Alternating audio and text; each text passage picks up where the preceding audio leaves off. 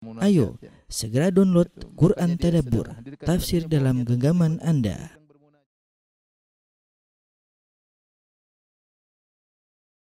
Bismillahirrahmanirrahim. Assalamualaikum warahmatullahi wabarakatuh.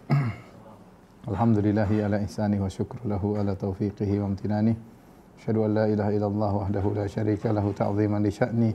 Wa asyhadu anna Muhammadan abduhu wa rasuluhu da'ila ridwani. Allahumma salli alaihi wa ala alihi wa ashabihi wa ikhwani. Para ikhwan dan akhwat, para uh, jamaah sekalian, jamaah Masjid Tarbiyah yang dirahmati oleh Allah Subhanahu wa taala, kita lanjutkan bahasan kita pada malam hari ini tentang uh, perang Uhud.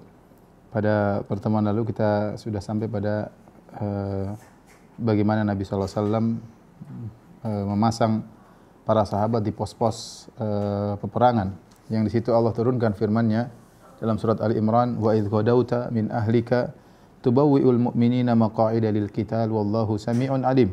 Tatkala engkau keluar dari rumahmu wahai Rasulullah, engkau siapkan uh, pos-pos kaum mukminin, tempat-tempat mereka dalam pertempuran, dalam peperangan wallahu sami'un alim, Allah Maha mendengar, Allah Maha mengetahui.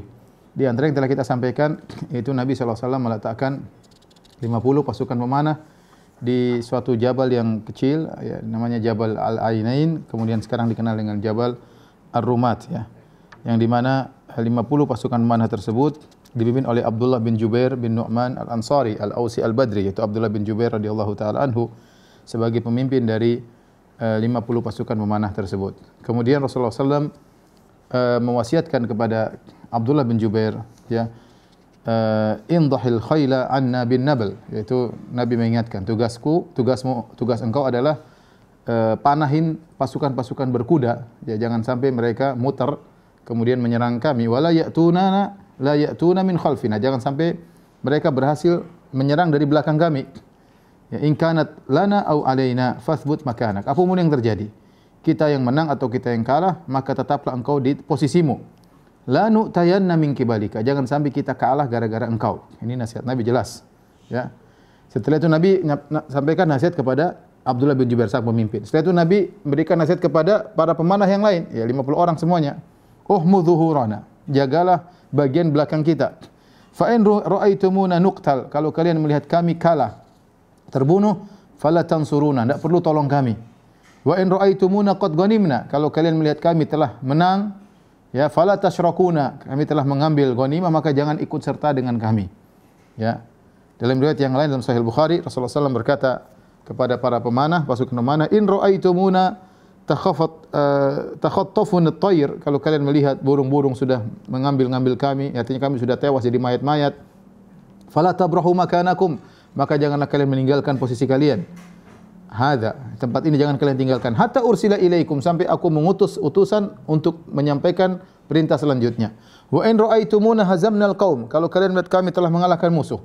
Wa auta'nahum dan kami telah menginjak mereka Fala tabrahu hatta ursila ilaikum. Jangan kalian tinggalkan posisi kalian sampai aku mengutus utusan kepada kalian. Jadi jelas uh, wasiat Nabi jelas. Apa pun kondisinya, pasukan mana tidak boleh turun dari gunung tersebut. Menang atau kalah tidak boleh turun sama sama sekali. Adapun sisa pasukan, maka Nabi SAW menjadikan pasukan Al Maimanah, pasukan sebelah kanan, dipimpin oleh Al Munzir bin Amr radhiyallahu anhu Kemudian pasukan sebelah kiri dipimpin oleh Zubair bin Awam, ya dibantu oleh Al-Miqdad bin Amr, ya atau Miqdad bin Aswad. Kemudian uh, Zubair juga punya Zubair bin Awam punya tugas yang lain yaitu untuk menghadang ya pasukan berkuda yang dipimpin oleh Khalid bin Walid yang ketika itu masih musyrik. Inilah uh, strategi yang dipasang oleh Nabi sallallahu alaihi wasallam dengan strategi yang ya, yang jitu yang sesuai dengan kondisi peperangan tatkala itu. Dan ini menunjukkan Rasulullah sallallahu ya uh, orang yang cerdas yang di, diakui kecerdasannya. Selain sebagai nabi beliau memang juga orang yang yang sangat cerdas bahkan adalah pemimpin perang yang luar luar biasa.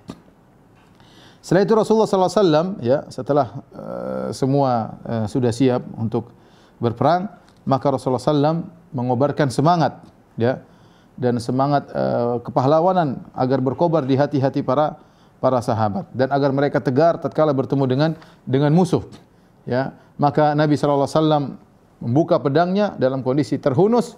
Kemudian Nabi SAW berkata kepada para sahabat, Man ya'khudhu minni hadha saif? Siapa yang mengambil pedangku ini? Fabasatu aydiyahum, maka para sahabat menjulurkan tangan mereka untuk mengambil pedang dari Nabi wasallam. Kullu insanin minhum yaqul ana ana. Semua orang mengatakan saya ya Rasulullah, saya yang berperang dengan pedangmu. Maka Rasulullah SAW ulangi pertanyaannya. Man ya'khudhuhu bihaqqihi. Siapa yang bisa mengambil pedangku tapi dia tunaikan hak pedang ini. Fa'ahjamal qaum, maka semua enggak ada yang berani. Kalau perang berperang dengan pedang Rasulullah harus tunaikan benar-benar harus jadi jagoan, harus ada harus ada haknya yang ditunaikan. Ya. Maka Abu Dujana namanya Simak bin Kharashah berkata kepada Rasulullah SAW, "Wa ma haqquhu ya Rasulullah? Apa haknya pedang tersebut ya Rasulullah?" Kata Rasulullah SAW, "Antadriba bihil aduwa hatta yanhani." Ya, kau potong itu, kau pukulkan kepada musuh-musuh ya, ya dengan pedang-pedang tersebut. Kemudian uh, dalam riwayat yang lain Nabi SAW berkata, "Allah taqtulu bihi musliman wala tafirra bihi an kafir." yaitu kau jangan bunuh dengan pedangku seorang muslim dan jangan kau kabur dari seorang kafir pun. Maka Abu Dujana berkata, "Ana akhudhuhu bihaqqihi." Aku ambil pedang tersebut dengan haknya ya Rasulullah. Maka Anas bin Malik ketika menceritakan hal tersebut, kata Anas fa akhadhahu fa falaqa bihi hamal musyrikin. Maka Abu Dujana pun mengambil pedang Nabi, kemudian dia pun memecahkan kepala-kepala kaum kaum musyrikin. Inilah Abu Dujana, pahlawan yang luar biasa, seorang pemberani, pemberani Ketika dia memegang pedang Nabi sallallahu alaihi wasallam, dia memiliki isabah yaitu memiliki, memiliki sorban yang berwarna merah. Ya, orang-orang sudah tahu kalau Abu Dujana sudah memakai uh, sorban merah di kepalanya, maka dia akan berperang sampai mati, tidak akan kabur. Dia akan berperang sampai sampai mati. Menunjukkan dia sudah serius. Maka ketika itu Abu Dujana memegang pedang Nabi sallallahu alaihi wasallam. Kemudian Abu Dujana mengikatkan sorban merahnya di atas kepalanya. Kemudian dia pun berjalan di antara saf muslimin dan saf musyrikin. Jalan dengan jalan yang sombong, ya tabakhtaru baina safain. Dia berjalan dengan gaya sombong di antara dua saf tersebut. Ketika Rasulullah SAW melihat Abu Dujana berjalan dengan kesombongan, Rasulullah SAW berkata, Inna hala misyatun yubghiduha Allah illa fi hadal fi mithli hadal mautin. Sungguhnya itu adalah cara jalan yang dibenci oleh Allah Subhanahu wa taala kecuali dalam posisi peperangan seperti ini. Jadi tidak mengapa dalam dalam peperangan seorang bergaya berjalan dengan kesombongan untuk menggentarkan kaum kaum musyrikin dilakukan oleh Abu Dujana jalan sombong di antara di depan barisan kaum uh, musyrikin ya. Taib, adapun orang Quraisy maka mereka pun juga memasang strategi ya, memasang strategi. Pimpinan umum adalah Abu Sufyan. Kemudian pasukan sebelah kiri dipimpin oleh Ikrimah bin Abi Jahal, anaknya Abu Jahal. Kemudian pasukan sebelah kanan uh, dipimpin oleh Khalid bin Walid sekaligus uh, Khalid bin Walid memimpin pasukan berkuda di sebelah kanan sayap kanannya pasukan musyrikin. Ada Khalid bin Walid pasukan di situ disertai dengan 200 pasukan berkuda. Ya adapun pasukan pejalan kaki di tengah dipimpin oleh Sofwan bin Umayyah. Ya ada yang mengatakan Amr bin As ada yang mengatakan Sofyan Sofwan bin Umayyah Umayyah ya ini semuanya Sofwan bin Umayyah anaknya Umayyah bin Khalaf bapaknya terbunuh dalam perang Badar Khalid uh, uh, kemudian Ikrimah bin Abi Jahal anaknya Abu Jahal Abu Jahal juga tewas dalam perang perang Badar ya jadi mereka benar-benar dendam kusumat luar biasa kepada pasukan kaum kaum muslimin. Uh, adapun pimpinan kaum pemanah sekitar 100 pemanah yang di, dimiliki oleh kaum musyrikin dipimpin oleh Abdullah bin Abi Rabi'ah. Kemudian mereka meletakkan memberikan bendera peperangan kepada Talha bin Abi Talha dari Bani Abdiddar. Sudah kita sebutkan bahwasanya uh, orang-orang memprovokasi Bani Abdiddar padahal Bani Abdiddar punya hubungan saudara dengan Bani Hashim ya. Jadi Bani Abdul Manaf dengan Bani Abdul Dar ada hubungan uh, keluarga ya. Tetapi uh, mereka diprovokasi sehingga mereka pun yang memegang bendera peperangan. Yang pertama perang memegang bendera peperangan adalah Tolha bin Abi Talha. Ya. Uh, Abu Sufyan telah memprovokasi mereka ya untuk semangat memerangi kaum muslimin ya. Abu Sufyan berkata kepada Bani Abdiddar, "Ya Bani Abdiddar, innakum qad walitum liwa'ana yaum badar. Waktu perang badar kalian yang pegang bendera peperangan. Wa asabana ma qad ra'aitum. Dan akhirnya kita celaka sebagaimana yang kalian sebutkan. Ya. Wa inna ma yu'tan nasu min kibali rayatihim. Ya, dan namanya orang kalah itu gara-gara pemegang bendera-bendera mereka. Idza zalat zalu kalau benderanya jatuh ya orang-orang pasukan juga akan kalah. Fa imma an takfuna liwa'ana wa imma an tukhallu bainana wa bainahu fanakfikumuhu. Ya. Kalau begitu wahai Bani Abduddar, Kalian yang pegang bendera atau sudah kalian jangan pegang bendera biar kami urusan kami pegang bendera siapa untuk melawan orang kaum mus, kaum muslimin. Jadi Abu Sufyan provokator ketika itu. Dia bilang, "Sudah kalian bikin masalah dalam perang Badar. Sekarang yang sudah, ya. Kalian tetap megang bendera atau serahkan bendera kepada kami biar kami yang urusan dengan kaum muslimin." Ketika itu Banu Abdiddar pun ngamuk, emosi gara-gara perkataan Abu Sufyan. Akhirnya uh, mereka berkata, "Nahnu nusallimu ilaika li wa ana sata'lamu ghadan idza taqaina kaifa nasna." Ya. Lihat kami akan berikan ya uh, bendera kami kepada engkau dan lihatlah besok apa yang akan kami lakukan dalam peperangan. Dan benar-benar mereka bertahan dalam peperangan sehingga banyak di antara mereka yang tewas di barisan kaum musyrikin. Taib, uh, ketika hendak terjadi peperangan, maka uh, orang-orang musyrikin mencoba untuk memecah barisan kaum muslimin. Saya ingatkan kembali, barisan kaum muslimin tadinya seribu, kalau orang munafik pergi 300 tinggal 700. 750 ditaruh di pasukan pemanah, tinggal 650 di di bawah. Maka ketika itu eh, Abu Sufyan ya mengirim utusan kepada kaum Ansar. Kemudian berkata kepada kaum Ansar karena kaum muslimin terdiri, atas kaum Ansar dan kaum Muhajirin. Maka utusan Abu Sufyan berkata, "Ya ma'syaral Aus wal Khazraj, khallu bainana wa baina ibni ammina nansarifu ankum." Wahai suku Aus suku Khazraj itu kaum Ansar biarkanlah kami berperang dengan anak-anak saudara kami, yaitu kami sama-sama Quraisy. Kalian enggak usah ikut. Muhammad dan teman-temannya muhajirin Quraisy, kami juga Quraisy. Kalian kaum Ansar enggak usah ikut campur. Fa innahu la hajata lana bi kitalikum. Kami tidak butuh perang dengan kalian. Mereka ingin memecah belah barisan kaum kaum muslimin. Ya, tetapi tidak berhasil. Ya, akhirnya orang-orang kaum Ansar membantah mereka. Demikian juga uh, mereka di provokasi oleh seorang namanya Abu Amir Al-Fasiq. Abu Amir Al-Fasiq namanya Abdul Amr bin Saifi ya. Dia dikenal diberi lakop dengan Ar-Rahib, itu seorang yang alim. Ya sebelum Nabi datang dia sering beri kajian-kajian kepada kaum Ansar, kepada suku Aus, suku Khazraj. Ketika Nabi datang maka semua orang menuju kepada Nabi sallallahu alaihi wasallam termasuk orang yang hasad. Tadinya diberi gelar dengan Ar-Rahib, tapi karena dia provokator maka diberi gelar oleh Nabi dengan Al-Fasik, seorang yang yang fasik ya. Maka dia ini termasuk yang e, memprovokasi orang-orang untuk menyerang Rasulullah sallallahu alaihi wasallam ya.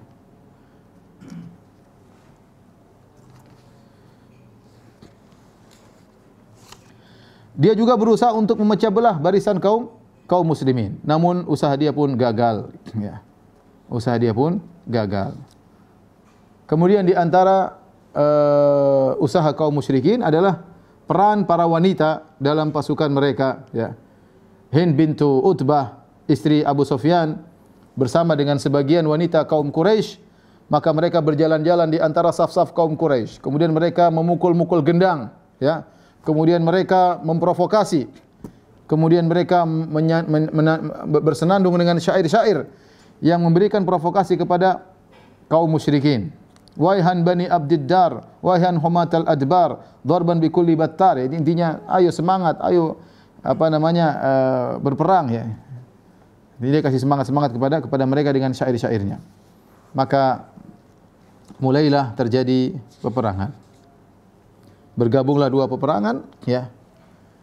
Disebutkan dalam sebagian riwayat, sebelum terjadi peperangan, terjadi pertempuran antara Hamzah bin Abdul Muttalib ya Eh, dengan salah seorang uh, yang bengis ya yang bernama Siba ya Siba Siba ini terkenal seorang yang sangat jagoan dan biasa sebelum terjadi peperangan antara dua pasukan terjadi duel ya di antara duel yang terjadi ya, antara Hamzah bin Abdul Muttalib dengan uh, Siba maka Siba pun keluar ya di hadapan barisan Siba bin Abdul Uzza Al-Khuzai. Kemudian dia tantang kaum muslimin. Dia berkata, Hal min mubaris. Siapa yang berani melawanku? Siapa yang berani melawanku? Fakharaja ilai Hamzah bin Abdul Muttalib. Maka Hamzah pun sambut tantangan dia. Ketika itu Hamzah berkata kepada Siba, Ya Siba, ya ibna ummi Anmar muqatti'atil budhur. Atuhaddullaha wa rasulahu. Maka Hamzah mengejek Siba, dia mengatakan, "Wahai Siba." Siba itu artinya binatang buas ya. Namanya sangar, Hamzah juga maknanya singa. Ya. Orang Arab suka menamakan anak mereka dengan nama-nama hewan yang menakutkan.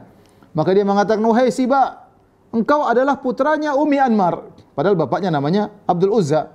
Tetapi Nabi menyebut dia dengan nama ibunya. Wahai Siba, putranya Umi Anmar. Siapa ibumu?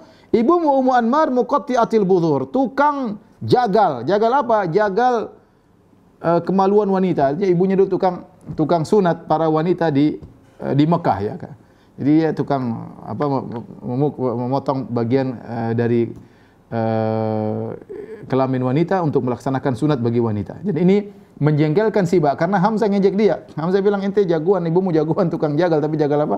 Jagal kemaluan wanita untuk nyunat wanita-wanita. Uh, atuhadullah wa rasul apakah engkau berani menentang Allah dan Rasulnya maka emosionallah uh, Siba kemudian bertempur dengan Hamzah akhirnya Hamzah kemudian memenggal kepalanya dan tewaslah Siba baru setelah itu terjadilah pertempuran pasukan saling uh, bertemu maka terjadi pertempuran yang sangat hebat antara dua pasukan ya maka mulailah pembawa bendera dari kaum musyrikin dari Bani Abdul mulailah jatuh satu demi satu berguguran. Bendera pertama dipegang oleh Talha bin Abi Talha. Maka setelah itu Talha bin Abi Talha tewas. Ya. Setelah itu bendera tersebut diambil oleh saudaranya Abu Syaibah Utsman bin Abi Talha. Tadi Talha bin Abi Talha kemudian diambil saudaranya Utsman bin Abi Talha. Kemudian dia pun maju membawa bendera tersebut. Maka datanglah Hamzah bin Abdul Talib bin Abdul Muttalib, paman Nabi SAW. Kemudian Hamzah pun memotong uh, atiqihi, yaitu pundaknya, dengan pukulan yang sangat kuat sampai akhirnya sampai terbelah di uh, surahnya. Itu di uh, apa namanya pusarnya sampai di pusarnya. Ditembus terbelah dadanya terbelah kemudian bagian dalam tubuhnya terbelah sampai di pusarnya. Maka terbukalah uh, paru-parunya akhirnya tewas Akhirnya diambil lagi oleh saudaranya bendera itu karena Bani Abdidar sudah terprovokasi dan mereka berjanji kami akan pegang bendera peperangan. Dua orang sudah tewas jadi semuanya anak-anaknya Abu Talha. Maka diambil lagi oh, saudara mereka yang ketiga namanya Abu Sa'ad bin Abi Talha. Ketika dia memegang bendera maka Sa'ad bin Abi Waqqas kemudian panah dia maka panahnya pun masuk ke lehernya maka tewas. Ya. Subhanallah tiga kakak beradik semuanya tewas. Ketika tewas bendera dipanggil dipegang oleh dari Bani Abdiddar, semuanya keturunan Bani Abdiddar, ya. Dipegang oleh Musafi bin Talha bin Abi Talha, ya. Musafi anaknya Talha yang yang pertama kali tewas namanya Talha bin Abi Talha, punya anak namanya Musafi. Maka Musafi mengambil bendera tersebut, faramahu Asim bin Thabit bin Abil Aqlah bisahmin faqatalahu. Maka ada seorang sahabat yang bernama Thabit bin Abil Aqlah memanahnya kemudian tewas. Kemudian diambil oleh anaknya Talha bin Abi Talha yang itu adalah Harith bin Abi Al Harith bin Talha bin Abi Talha. Saudaranya ambil, ambil lagi pedang. Maka Asim bin Sabit kemudian panah lagi, tewas lagi. Sudah lima ini. Lima tewas semua dari Bani Abdul Dar. Ya. Ibu mereka hadir ketika itu namanya Sulafah. Ya, tatkala melihat Asim bin Abi bin Sabit membunuh dua putranya, maka dia bernazar kalau dia sampai bisa mendapati kepalanya Asim, dia ingin minum khamar dari kepalanya Asim bin Sabit tersebut. Ya. Dan Asim telah berjanji kepada Allah, meminta kepada Allah agar tidak seorang pun musyrik, dia tidak menyentuh orang musyrik dan jangan seorang musyrik pun uh, memegang dirinya. Kemudian dipegang oleh Kilab bin Talha bin Abi Talha. Ya, anaknya Talha semua tiga orang. Ya, Musafi, kemudian Abu uh, Al Harith, kemudian yang ketiga sekarang Kilab bin Talha. Kemudian Zubair bin Awam bunuh dia. Subhanallah. Empat orang semua anak dari Talha bin Abi Talha tewas semuanya. Ya, mereka memegang bendera kaum musyrikin semuanya tewas. Kemudian bapak mereka Tolha, kemudian paman mereka Uthman dan Abu Sa'ad. Sudah tujuh orang semua tewas. Kemudian masih berlanjut Banu Abdiddar memegang bendera karena mereka tidak mau malu. Mereka sudah kalah di dalam perang Badar, mereka mati-matian, tidak mau malu di hadapan kaum Quraisy yang lain. Maka dipegang oleh Arto'ah bin Syurahbil dari Bani Abdiddar kemudian dibunuh oleh Ali bin Abi Thalib, tewas yang ke-8. Ada yang mengatakan Hamzah yang bunuh. Kemudian dipegang oleh Syuraih bin Qarith yang kesembilan. Dibunuh oleh Kuzman. Kuzman ini nanti yang akan mati bunuh diri ya. Dia seorang munafik atau tapi dia dalam barisan kaum muslimin. Kemudian yang ke-10 dipegang oleh Abu Yazid bin Umar bin Hashim ya. Kemudian uh, dibunuh oleh Kuzman, dibunuh lagi. Ya terus sampai akhirnya 11 orang tewas dari para pemegang bendera seluruhnya dari Bani Abdul Dar. Akhirnya bendera kaum musyrikin menjadi uh, pusat kecelakaan. Ya. Tidak ada seorang pun yang memegang bendera tersebut kecuali tewas. Maka mereka pun meninggalkan bendera tersebut terjatuh di atas tanah, tidak ada yang berani pegang. Ya, karena semuanya pada pada tewas. Uh, inilah kondisi kaum musyrikin di awal peperangan ya maka di awal di awal hari peperangan maka para sahabat berperang dengan luar biasa dan banyak gugur dari kaum kaum musyrikin. Lihat bagaimana Abu Dujanah dalam peperangan. Uh, Zubair bin Awam ketika melihat ketika Nabi di awal mengatakan man ya'khudhu bisayfi siapa yang mengambil pedangku uh, ternyata yang mengambil Abu Dujanah. Zubair bin Awam mengatakan, "Wajatu fi nafsi hina sa'altu Rasulullah sallam as-sayf famana'anihi." Aku minta pedang dari Nabi, Nabi tidak berikan. Kemudian Nabi memberikan kepada Abu Dujana. Aku mendapati dalam hatiku sesuatu. Kenapa Nabi tidak berikan kepada aku? Kenapa Nabi berikan kepada Abu Dujana? Kata Zubair bin Awam, "Ana ibnu Safiyati ammatihi, Safiyah ammatihi." Dan aku adalah sepupunya, aku adalah putra dari bibinya Safiyah. Ya, Rasulullah punya bibi namanya Safiyah bintu Abdul Muttalib punya anak namanya Zubair yaitu Zubair berarti sepupu Nabi. Mau saya minta pedang enggak dikasih Nabi, Abu Dujana siapa? Dikasih oleh Nabi sallallahu alaihi wasallam. Ya. Waqad kumtu ilaihi fasa'altu iyyahu qablahu fa'atahu iyyahu wa tarakani. Aku sebelumnya sudah minta sebelum Abu Dujana, tapi aku tidak dikasih malah Abu Dujana yang dikasih. Apa kata Zubair bin Awam? Zubair bin Awam juga jagoan. Ya, bukan karena dia pernah mengatakan inna likulli nabiyyin hawari wa hawari Az-Zubair bin Awam. Setiap nabi ada penolongnya dan Zubair bin Awam adalah penolongku kata kata Nabi SAW. Tapi Nabi tetap berikan kepada Abu Dujana. Maka apa kata Zubair bin Awam? Wallahi la anzuranna ma yasna. Demi Allah aku akan lihat apa yang dilakukan oleh Abu Dujana. Ternyata Abu Dujana seperti kita katakan tadi dia mengeluarkan uh, apa namanya sorban merahnya kemudian diikatkan di atas kepalanya ya. Uh, Kemudian dia pun berjalan dengan penuh kesombongan. Kalau dia pakai sorban, sorban, sorban kematian dan dia tidak peduli, ya maka dia berkata ketika berjalan di depan musuh, "Ana alladhi ahadani khalili wa nahnu bisaffi dan nakhili." Akulah yang telah ya kekasihku Rasulullah SAW telah mengambil janji dariku ketika kami sedang berada di bawah uh, di bawah pegunungan ya ya untuk lakukan peperangan yang yang hebat. Jadi dia sebutkan bahwasanya uh, dia akan berperang dengan sehebat-hebatnya Ya. Ala aku madahra fil qayyuli adrib bi sayfillahi war rasuli. Aku tidak boleh mundur sedikit pun dalam peperangan ini. Aku sudah berjanji kepada Rasulullah dan aku akan ber, berperang dengan pedangnya Allah dan pedangnya Rasulullah sallallahu alaihi wasallam. Kemudian dia pun maju dalam medan pertempuran dengan semangat yang membara, maka tidak seorang pun di hadapan dia kecuali dibunuh oleh Abu Dujana, ya. Tidak ada yang di depan dia kecuali terbunuh oleh Abu Abu Dujana. Ternyata di antara pasukan kaum musyrikin ada seorang ya yang uh, luar biasa tidak bertemu dengan seorang muslim yang terluka kecuali dia bunuh. Orang ini luar biasa. Maka kata uh, Zubair bin Awam, ya, aku berdoa agar menemukan jagoannya orang musyrik dengan Abu Dujana. Semoga ketemu dua orang ini. Kan ini satu jagoan, satu juga jagoan. Faltaqaya ternyata doanya Zubair bin Awam terpenuhi. Allah kabulkan dua jagoan ini ketemu. Jagoannya orang musyrik, jagoannya orang Islam yaitu Abu Dujana. Maka mereka saling hantam-hantaman. Ya. Al-musyrik menghantam Abu Dujana dengan pedangnya fattaqahu bidurqatihi. Maka Abu Dujana menahan dengan perisainya durqah perisai tersebut bukan terbuat dari bukan terbuat dari uh, apa namanya besi tapi terbuat dari dari kulit ya, kulit ya. Kemudian ketika dia pukul dengan sangat kuat pedangnya tersebut masuk dalam kulitnya perisainya Abu Dujana ya kemudian menggigit eh, akhirnya menahan pedangnya ketika dia mau tarik agak terhambat maka Abu Dujana pun babat orang ini akhirnya dia pun tewas ya.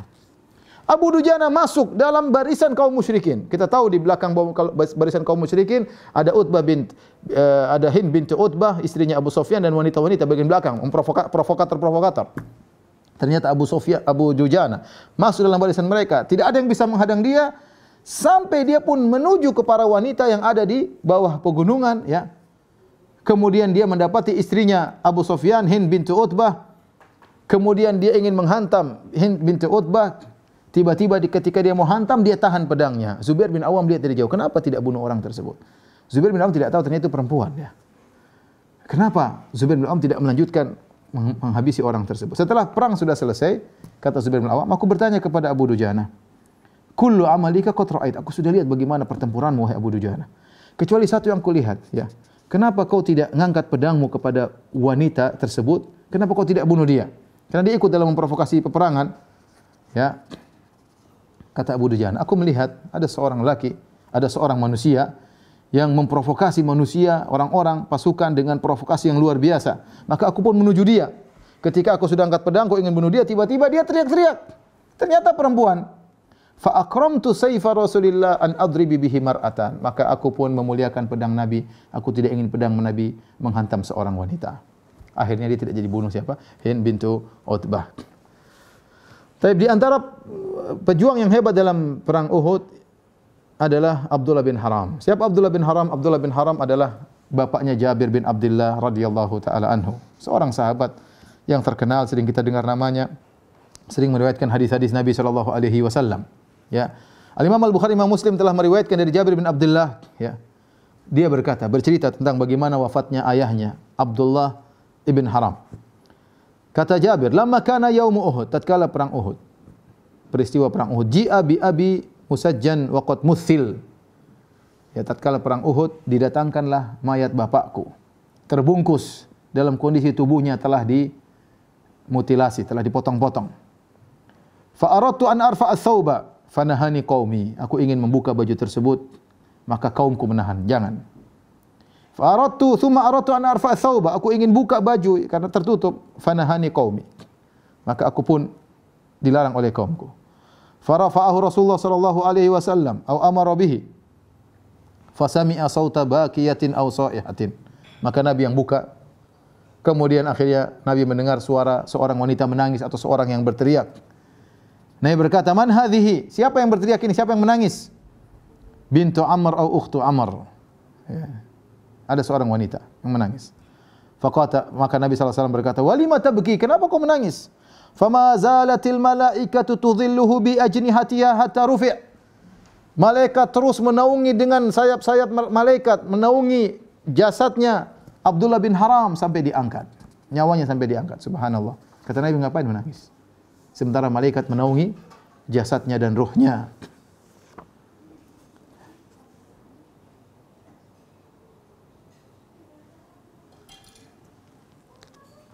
Taib. Adapun Abdullah bin Haram beliau berwasiat kepada Jabir sebelum meninggal dunia. Ya, agar Jabir melunasi hutangnya dan agar Jabir mengurusi adik-adik perempuannya.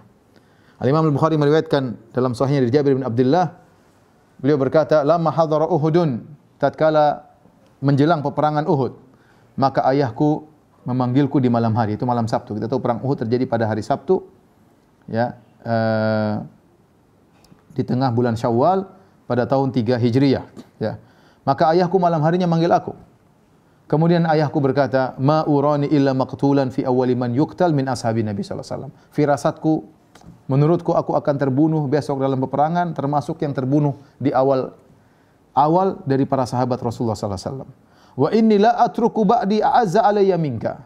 Ghaira nafsi Rasulullah sallallahu alaihi wasallam. Tidak ada orang yang paling aku muliakan yang aku tinggalkan kalau aku meninggal dunia kecuali engkau wahai putraku. Selain Nabi, Nabi tentu yang lebih utama, tapi selain setelah Nabi adalah engkau yang paling mulia. Kemudian disampaikan, fa inna alayya dainan, wahai putraku, sungguhnya aku punya hutang. Faqdi lunaskan hutangku. Subhanallah. Ya. Bagaimana para sahabat? Ingat bahwa ini masalah bukan masalah dunia saya. Hutang ini harus dilunasi. Maka dia mengatakan fa inna alayya dainan wahai putraku saya punya hutang faqdi lunaskan hutangku. Wastausi bi akhawatika khairan. Dan perhatikanlah adik-adik perempuanmu, saudara-saudari perempuanmu. Fa asbahna fa kana awwala qatil. Maka di pagi hari terjadi peperangan benar ayahku yang pertama kali eh, dibunuh mati syahid ya. Dan ini uh, menunjukkan uh, karamahnya Abdullah bin Haram bapaknya Jabir karena dia punya firasat bahwasanya dia akan termasuk yang pertama kali meninggal dunia ternyata benar dan ini Allah berikan kepada sebagian orang-orang saleh. Dan ini juga menunjukkan bagaimana uh, mulianya Jabir bin Abdullah. Ayahnya sangat sayang kepada dia, berarti dia seorang anak yang sangat ber, berbakti. Kemudian bagaimana Jabir bin Abdullah menjalankan wasiat ayahnya, ya menjalankan wasiat ayahnya. Oleh karena Jabir melunasi hutang ayahnya dan benar Jabir akhirnya meninggal dengan uh, akhirnya menikah dengan janda. Ya sebagaimana dalam hadis yang masyhur ketika Nabi berkata, "Tazawwajta ya Jabir?" Kau sudah menikah wahai Jabir? Kata Jabir, "Benar, aku sudah menikah." Nabi bertanya, "Bikran am sayyiban?" Kau menikah dengan gadis atau janda? Kata Jabir, "Bal sayyiban, aku menikah dengan janda." Nabi mengatakan, "Hal tazawwajta bikran tuda'ibuha wa tuda'ibuka?" Tula'ibuha wa tula'ibuka. Kenapa kau tidak menikah dengan gadis wahai Jabir? Kau bisa bercanda dengan dia, kau bisa menciumnya, kau bisa bermain-main dengan dia. Maka Jabir cerita, "Saya ingin dengan gadis tapi ayahku berwasiat kepadaku." Subhanallah dia meninggalkan kesenangan ya demi untuk menikah dengan seorang yang mungkin janda agar bisa merawat adik-adiknya. Ini juga dalil bahwasanya artinya Jabir adalah seorang anak berbakti. Ini juga dalil bagaimana uh, uh, seorang ayah memberi wasiat kepada anak-anaknya agar berbakti kepadanya setelah dia meninggal meninggal dunia. Tidak ada masalahnya kita wasiatkan kepada anak kita kalau ayah meninggal ya. Anak-anak kalau bapak meninggal, kalau ibu meninggal nanti begini begini begini sehingga bisa menjadi perhatian mereka. Di antara pahlawan kaum muslimin yang meninggal dalam perang Uhud yaitu Hanzalah Ghasilul Malaika yang dimandikan oleh malaikat. Hanzalah ini bapaknya siapa? Abu Amir Al-Fasik. Tadi kita sebutkan di awal pengajian namanya ada namanya Abu Amir Ar-Rahib. Seorang yang uh, berilmu sehingga digelari oleh kaumnya dengan rahib. Itu orang berilmu. Tetapi ketika dan orang perhatian sama dia. Namun ketika Nabi SAW datang, orang-orang menimba ilmu dari Nabi, akhirnya dia cemburu, dia hasad. Akhirnya dia sering provokasi, bahkan dia memprovokasi orang untuk menyerang Rasulullah wasallam. Maka Nabi panggil dia dengan Al-Fasik, Abu Amir si Fasik. Ternyata dia punya anak yang sangat soleh namanya Hanzalah. Hanzalah, ya. ya. Hanzalah hampir membunuh Abu Sufyan bin Harb. Abu Sufyan pemimpin umum pasukan kaum musyrikin. Ya. Akan tapi dia akhirnya terbunuh oleh Syaddad bin Al-Aswad sebelum dia sampai kepada kepada Abu Sufyan ya. Eh, diriwayatkan ketika uh, dari Abdullah bin Zubair, beliau berkata,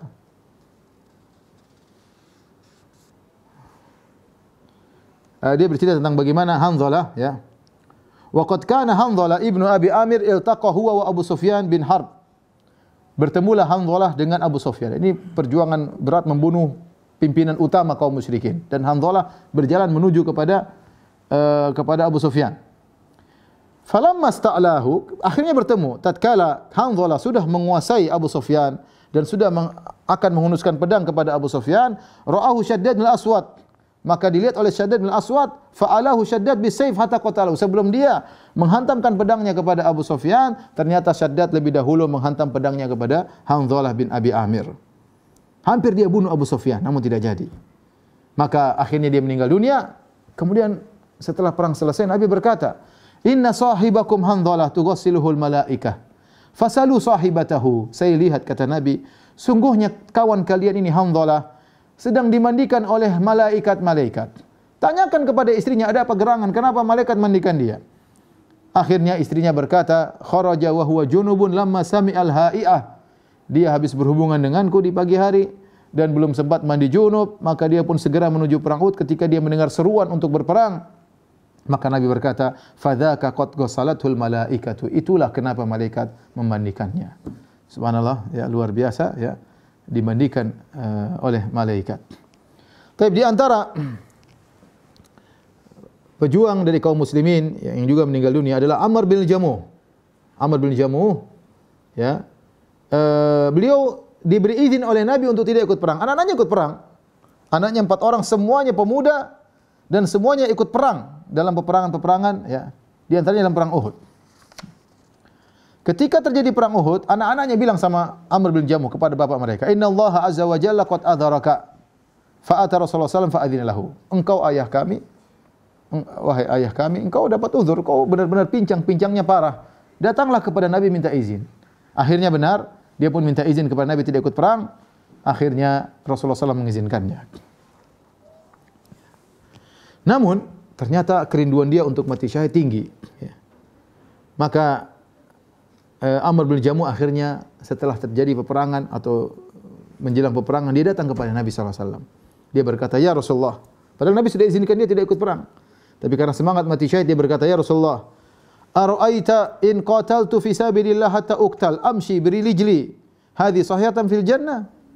Ya Rasulullah, menurut engkau kalau aku meninggal dalam pertempuran ini, dalam perang, kakiku pincang ya Rasulullah. Apakah nanti aku akan berjalan di surga dengan kaki yang benar atau pincang ya Rasulullah? Kakinya sangat pincang. Kata Rasulullah SAW, Naam, kau akan berjalan di surga dengan kaki yang sehat, tidak pincang.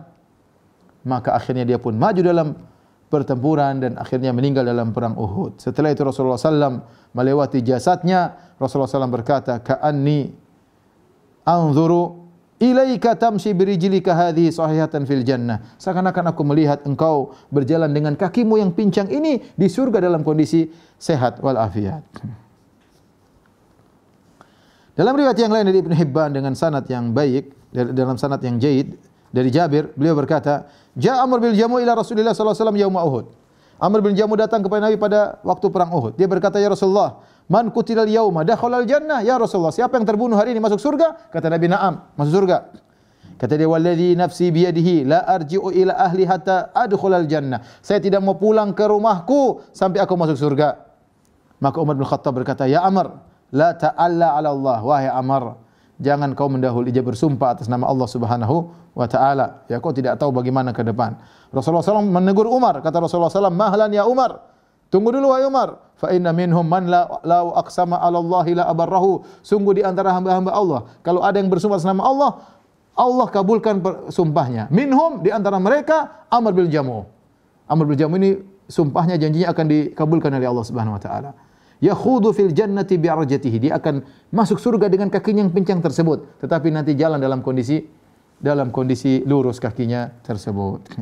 Siapakah Amr bin Jamu? Amr bin Jamu adalah pemimpin dari Bani Salimah. Siapa Bani Salimah? Bani Salimah dari kaum Ansar yang tinggal dulu kampungnya di Masjid Kiblatain. Masjid Kiblatain itu namanya Masjid Bani Salimah. Bapak-bapak dan ibu yang pernah umrah tentu sering kalau tur apa namanya di kota Madinah pasti melewati biasanya melewati Masjid Al-Qiblatain. Masjid Al-Qiblatain namanya Masjid Kampung Bani Salimah. Jadi situlah uh, kepala sukunya atau tokohnya adalah Amr bin Jamuh. Dari Jabir bin Abdullah Rasulullah SAW berkata kepada Bani Salimah, Man sayyidukum ya Bani Salimah? Siapa pemimpin kalian wahai Bani Salimah? Kata mereka Jaddu bin Qais. Pimpin kami namanya Jaddu bin Qais. Ala anna nubakhiluhu. Tapi Jaddu bin Qais ini dia pelit. Jadi dia hebat dalam segala hal. Mungkin jago perang, jago bicara, semuanya hebat. Cuma satu kekurangannya. Apa? Pelit. Maka Nabi SAW berkata, Ayudain adwa minal bukhal. Penyakit apa yang lebih parah daripada penyakit pelit? lebih bahaya antum kalau pelit ya. Jangan kebangetan kalau pelit ya. Penyakit paling berbahaya adalah penyakit apa? Pelit. Ya, sebagian orang pelit luar biasa ya. Saya mau cerita tentang kisah pelit yang pernah saya alami. Banyak ceritanya. Tapi tidak usah lah. Ya. Taib. Bal sayyidukum Amr bin Jamu. Tapi pimpinan kalian adalah Amr bin Jamu. Jadi ternyata dia memang orang berakhlak mulia. Padahal dia pinjang. Berarti dia orang baik. Berarti dia orang dermawan. Padahal pinjang tapi pimpinan kalian. Ya. Jadi inilah Amr bin Jamu seorang yang mulia sebelum terbunuh dalam perang Uhud. Di antara sahabat yang meninggal dalam perang Uhud adalah Al-Usairim. Al-Usairim ini adalah dari kaum Ansar dari Bani Abdul Ashhal. Ketika datang uh, sahabat untuk mendakwakan Islam, di antaranya Musa bin Umayyah, dia tolak, dia tidak masuk Islam. Tatkala Rasulullah SAW datang ke Madinah, dia juga tidak masuk Islam. Sebagaimana pernah kita sampaikan sebelumnya. Tetapi subhanallah, Allah memberikan dia husnul khatimah. Ya. Tiba-tiba ya Semenjelang perang Uhud, tiba-tiba Allah melemparkan Islam dalam hatinya. Ya. Padahal sebelumnya nolak Islam terus. Dia pun masuk Islam, kemudian dia ambil pedangnya, kemudian dia nyusul Rasulullah sallallahu alaihi wasallam. Padahal dia tahu musuh datang 3000 orang. Kaum muslimin cuma 700 orang.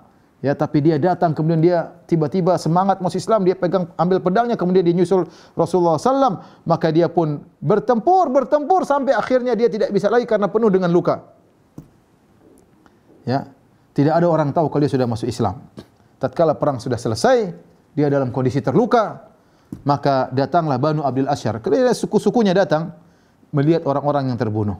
Mereka mencari orang-orang yang terbunuh dari suku-sukunya. Ternyata mereka dapat Usairim lagi terkapar penuh dengan luka, wabihi romak. Yasir itu napasnya sudah nafas terakhir. Faqalu mereka kaget. Wallahi inna hadza al-Usairim. Ma bihi.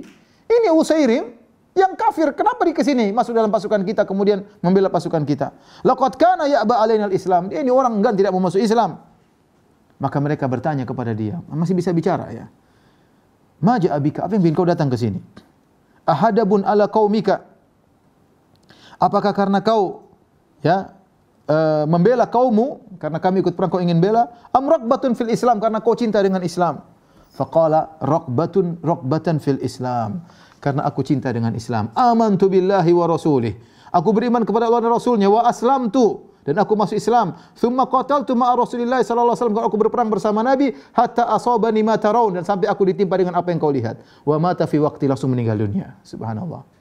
Maka mereka ceritakan kepada Nabi sallallahu alaihi wasallam, Rasulullah SAW berkata, "Innahu min ahli jannah." Sungguhnya dia termasuk penghuni surga. Abu Hurairah mengomentari kisah Al-Usairim, dia berkata, "Walam yusalli lillahi salatan qat." Dia tidak pernah salat sama sekali. Baru masuk Islam. Satu sujud saja belum pernah. Subhanallah bagaimana orang yang menolak Islam tiba-tiba di penghujung hayatnya tiba-tiba Allah gerakkan keimanannya maka kemudian dia masuk Islam kemudian berperang kemudian meninggal kemudian masuk surga Subhanallah belum sempat sholat meskipun cuma satu kali sujud di antaranya yang meninggal pahlawan di dalam perang Uhud adalah Al-Mujadda Abdullah bin Jahsh dikenal dengan Al-Mujadda Al-Mujadda itu yang terpotong-potong ya Al-Mujadda fillah terpotong-potong karena Allah Subhanahu wa taala. Dialah Abdullah bin Jahshin radhiyallahu taala anhu. Bagaimana ceritanya sampai dia terpotong-potong? Dia pernah berdoa agar dipotong-potong dalam peperangan. Al-Hakim meriwayatkan dalam Mustadrak dengan sanad yang sahih. Dari Ishaq bin Sa'ad bin Abi Waqqas. Dia berkata, "Haddatsani abi, ayahku bercerita kepadaku." Ayahnya maksudnya Sa'ad bin Abi Waqqas, sahabat radhiyallahu anhu. Dia berkata, "Anna Abdullah bin Jahshin qala yauma Uhud." Abdullah bin Jahshin ngomong pada waktu perang Uhud dia berkata, "Ala ta'ti nad'ullaha?" Bagaimana kalau kita berdoa bareng? Fakhalau fi maka mereka memojok di ujung masing-masing berdoa. Sa'ad bin Waqqas berdoa. Apa doanya Sa'ad? Ya Rabbi, idza laqina al-qauma qadan falaqini rajulan syadidan ba'suhu syadidan haraduhu ya. Fa uqatiluhu fika wa yuqatiluni thumma rzuqni alaihi dhafar hatta aqtulahu wa akhudha salabahu. Maka lihat doanya Sa'ad bin Abi Waqqas. Ini dia seorang yang dikabulkan doanya. Dia mengatakan, Ya Allah, kalau besok saya ketemu dengan musuh, Ya Allah, biarkanlah aku bertemu dengan salah seorang yang jagoan, hebat peperangannya, kemudian hebat ngamuknya. Biarkan aku berperang dengan dia, aku berperang karena engkau ya Allah memeranginya. Dia memerangiku, bertempur aku dengan dia, kemudian anugerahkanlah kepadaku kemenangan.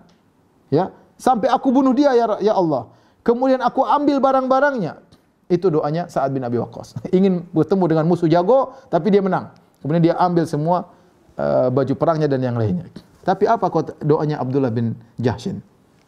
Dia berkata, Allahumma rizukni gadan rajulan syadidan haraduhu. Ya Allah, besok anugerahkanlah kepadaku untuk bertemu dengan musuh yang jagoan. Ngamuknya luar biasa. Syadidan ba'suhu, pukulannya, hantamannya sangat kuat. Uqatiluhu fika, aku berperang melawannya karena engkau ya Allah. Wa yuqatiluni, kemudian dia juga memerangiku. Thumma ya'khuduni, kemudian dia mengambil aku. Fayajda'a anfi wa udhuni, kemudian dia potong hidungku dan dia potong telingaku. Fa idza laqituka gadan, kalau aku bertemu dengan engkau ya Allah hari kiamat kelak, engkau berkata kepadaku, Ya Abdullah, fima judi anfuka. Kau akan bertanya kepadaku, wahai Abdullah bin Jahshin, kenapa dipotong hidungmu? Kenapa dipotong telingamu? Fa'akulu fika wa fi rasulik. Aku berperang karena engkau ya Allah dan karena Rasulmu. Fayaqul sodakta. Ya dan engkau berkata benar. Subhanallah. Ini doanya siapa? Eh, Abdullah bin Jahshin. Beda. Kalau saat ingin menang, Abdullah bin Jahshin ingin terbunuh dalam kondisi terbunuh, mati syahid dalam kondisi ter, ter, ter, tercabik-cabik. Apa kata Sa'ad bin Abi Waqqas kepada anaknya? Ya bunayya, kanat da'watu Abdullah bin Jahshin khairan min da'wati. Sungguh doanya Abdullah bin Jahshin lebih baik daripada doa bapakmu ini. Laqad ra'aitu akhiran nahar. Aku lihat dia di penghujung sore wa inna udhunahu inna udhunahu wa anfahu la mu'allaqatin fi khaitin ya sungguh aku melihat ya hidungnya ya dan uh, telinganya sudah dipotong dan digantung di sebuah tali ya sudah dipotong-potong oleh kaum musyrikin. Ya. Lihatlah bagaimana kepahlawanan Abdullah bin Jahshin, maka beliau dikenal dengan Al-Mujadda fillah, yaitu orang yang tercincang-cincang karena Allah Subhanahu wa taala, Allah mengabulkan doanya. Subhanallah kalau orang berdoa karena Allah Subhanahu wa taala, tulus karena Allah, maka Allah kabulkan doanya. Tapi siapa di antara kita yang berdoa dengan doanya Abdullah bin Jahshin? Siapa? Kita kalau suruh doa, doa ingin seperti As'ad bin Abi Waqqas. Tapi Abdullah bin Jahshin ingin segera kerinduan bertemu dengan Allah, ingin segera mati syahid, ingin meninggal dalam kondisi seperti itu mengenaskan agar bisa mendapat pahala besar dari Allah Subhanahu wa taala. Tapi di antara sahabat mulia yang meninggal dunia adalah Sa'ad bin Rabi'. Siapa yang tidak tahu Sa'ad bin Rabi'? Dialah yang pernah dipertemankan oleh Nabi dengan uh, Abdurrahman bin Auf. Dialah yang pernah menawarkan kepada Abdurrahman bin Auf, "Ya Abdurrahman bin Auf, aku termasuk orang Ansor yang paling kaya. Setengah hartaku untuk engkau." Bayangkan siapa? Seperti Sa'ad bin Rabi'. Lebih daripada itu dia mengatakan, "Wahai Abdurrahman bin Auf, istriku lebih dari satu. Tengok siapa yang kau sukai saya ceraikan. Kalau sudah habis masa iddahnya ambil." Itulah Sa'ad bin Rabi', seorang yang sangat dermawan yang pernah dipersaudarakan oleh Nabi dengan Abdurrahman bin Auf radhiyallahu taala anhu. Uh, ketika terjadi perang Uhud, beliau termasuk yang mati syahid dalam perang Uhud. Ya. Dari Zaid bin Thabit radhiyallahu anhu.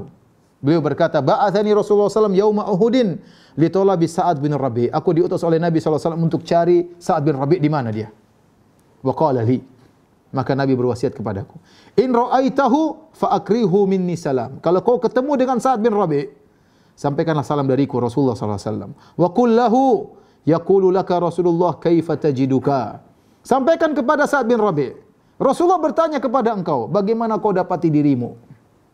Qala Zaid, Zaid bin Thabit pun berkata, "Faja'altu atufu bainal qatl." Aku pun cari-cari di tumpukan-tumpukan mayat. Fa asabtuhu wa fi akhir ramak. Aku dapati dia masih di napas yang terakhir. Wa bihi sab'una darbatan ma baina ta'natin bi rumhin wa darbatin bi sayfin wa ramyatin bi sahmin. Aku dapati dalam tubuhnya ada 70 bekas luka. Ada bekas luka karena tombak, ada bekas luka karena sayatan pedang, ada bekas luka karena anak panah yang menembus tubuhnya. Fakultu lahu. Aku berkata kepada Sa'ad bin Rabi', "Ya Sa'ad, Wahai Sa'ad, inna Rasulullah sallallahu alaihi wasallam yukri'u alaika salam. Sungguhnya Rasulullah sallallahu alaihi wasallam kirim salam kepada engkau. Wa yaqulu laka dan dia bertanya kepada engkau, "Akhbirni kaifa tajiduka?" Kabarkanlah kepadaku kepada Rasulullah bagaimana kau dapati dirimu dalam kondisi demikian. Qala, maka di nafas terakhirnya dia menjawab. Berkata Sa'ad bin Rabi' radhiyallahu anhu, "Ala Rasulillah salam." Aku salam balik kepada Rasulullah. Wa alaikas salam dan salam juga kepada engkau. Kullahu, katakanlah kepada Rasulullah. Ya Rasulullah, ajiduni, ajidu rihal jannati. Sungguhnya aku mendapat diriku dan aku mencium bau surga. Wa kulli qaumil ansar. Aku mencium bau surga dan sampaikan kepada kaumku dari kaum Ansar, la udhra lakum indallahi an yukhlasa ila Rasulillah sallallahu alaihi wasallam wa fiikum syufrun yatruf.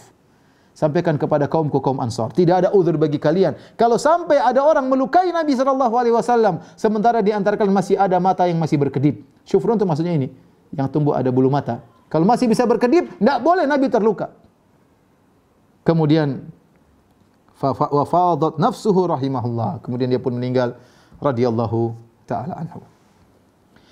Kemudian kita tadi bicara berbicara tentang para pejuang-pejuang ya. Di antara yang ikut dalam perang Uhud ada yang meninggal dalam kondisi bunuh diri. Ya. Tadi kita sudah uh, sebutkan orangnya yang terkenal Kuzman. Kuzman yang tadi telah membunuh dari pembawa bendera dari Bani Abdudar di awal peperangan. Hebat peperangannya ya. Dia berperang bukan karena Allah tapi sekadar hanya membela sukunya ya. Bukan niat jihad di jalan Allah. Jadi bahaya ya.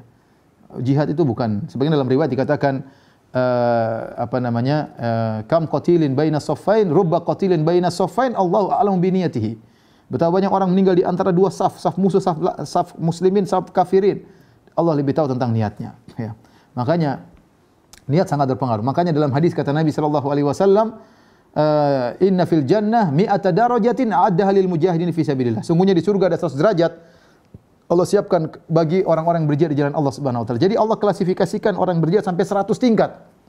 Kata Ibnu Hajar rahimahullah demikian juga amalan-amalan yang lain. Orang salat pun ada berklasifikasi. Bertingkat-tingkat. Kalau jihad aja sampai 100 tingkat berarti ada yang sangat tinggi, ada yang sedang-sedang, ada yang kurang. Meskipun mereka semuanya mulia. Dan ada yang niatnya salah, ternyata niatnya hanya sekedar membela sukunya bukan karena Allah Subhanahu wa taala. Dan dia termasuk penghuni neraka jahanam. Orang tersebut namanya Kuzman. Kuzman eh, disebutkan ya, dari Asim bin Amr, Asim bin Umar bin Qatadah beliau berkata, "Kana fina rajulun gharib la yudra mimman huwa yuqalu lahu Kuzman." Ada seorang di antara kami asing, kami tidak tahu dia dari mana, tapi namanya adalah Kuzman. Wa kana Rasulullah sallallahu yaqulu idza dzukira lahu. Nabi sallallahu alaihi kalau ada disebut tentang dia Nabi berkata innahu lamin ahlin nar. Dia ini penghuni neraka jahanam. Maka sahabat heran, ini siapa ini? Kok disebut Nabi dengan penghuni neraka jahanam? Tatkala perang Uhud, qatala qitalan syadida. Maka ketika dia dalam perang Uhud dia berperang dengan perang sangat hebat. Ya. Faqatala wahdahu thamaniyatan was aw sab'atan minal musyrikin. Dia sendiri membunuh sekitar 8 orang atau 7 orang. Dia sendiri ya, dari kaum musyrikin. Wa kana dha ba'sin dan dia orang yang luar biasa pertempurannya. Akhirnya dia terluka. Ketika dia terluka, berperang dengan begitu hebat, sebagian para sahabat berkomentar. Mereka berkata, "Wallahi laqad ablaital yauma ya Kuzman, fa abshir." Ya. Qala bimadza ubashir? Fa wallahi in qataltu illa an, an hasabi qaumi, walaula dzalika ma qataltu. Orang-orang datang kepada dia berkata, "Wahai Kuzman, bergembiralah, kau telah berperang dengan hebat." Kata dia, "Kenapa aku gembira? Demi Allah aku berperang adalah untuk membela kaumku. Kalau bukan karena kaumku aku tidak berperang." Tatkala dia semakin parah sakitnya, maka dia pun mengambil anak panah, kemudian dia letakkan di dadanya, kemudian di apa eh, apa namanya dia tekan dadanya, akhirnya dia pun membunuh dirinya. Inilah kisah dari Kuzman seorang yang tewas dalam perang Uhud namun bukan mati syahid tetapi mati konyol, mati bunuh diri ya. Dan kita tahu bahwasanya mati bunuh diri adalah dosa uh, besar ya. Oleh karenanya Rasulullah SAW bersabda, "Man taradda min jabalin faqatala nafsahu fahuwa fi nari jahannam yataradda fihi khalidan mukhalladan fiha abada." Barang siapa yang melemparkan dirinya dari puncak gunung, kemudian dia bunuh dirinya, mati gara-gara melemparkan diri dari puncak gunung, maka dia pada hari kiamat kelak akan dihukum oleh Allah di neraka jahanam dengan cara demikian dilemparkan dari tempat yang tinggi selama-lamanya seperti itu. Wa man summan faqatala nafsahu fasummuhu fi yadihi yatahassahu fi nari jahannam khalidan mukhalladan fiha abada. Barang siapa bunuh dirinya dengan minum racun, dengan konsumsi racun. Ya. Misalnya mati karena minum baygon ya. Maka pada hari kiamat racunnya berada di tangannya dia siksa dirinya terus dengan racun tersebut di neraka selama-lamanya. Wa man qatala nafsahu bihadidatin Barang siapa bunuh dirinya dengan benda tajam, dengan besi. Ya, misalnya uh, bunuh diri ya. Ya, seperti orang-orang Jepang, fahadidatuhu fi yadihi biha fi batnihi fi nari jahannam. Maka pedangnya atau benda tajam tersebut akan dia tusuk-tusukan ke perutnya pada hari kiamat kala selama-lamanya dalam neraka jahanam. Inilah perkara yang sangat mengerikan bagi orang yang meninggal dalam kondisi uh, bunuh diri. Padahal bunuh diri dalam jihad ya bahkan dalam peristiwa yang besar seperti jihad tidak boleh seorang bunuh diri ya. Apalagi gara-gara sebab-sebab konyol yang terjadi sebagaimana kita dengar menyedihkan sebagian kaum muslimin bunuh diri gara-gara perkara-perkara yang yang sepele. Tidak lain karena kurangnya iman karena kurangnya menuntut ilmu. Oleh karena ini tugas bagi para dai untuk menyebarkan ilmu. Karena kita dengar sebagian orang bunuh diri gara-gara perkara yang yang konyol. Gara-gara di, diceraikan sama suaminya bunuh diri gara-gara tahu tahu suaminya selingkuh bunuh diri ya gara-gara suaminya poligami bunuh diri. Waliyadzubillah ya. Taib, uh, mungkin sampai di sini saja uh, uh, kajian kita. Insyaallah kita lanjutkan pada pekan depan.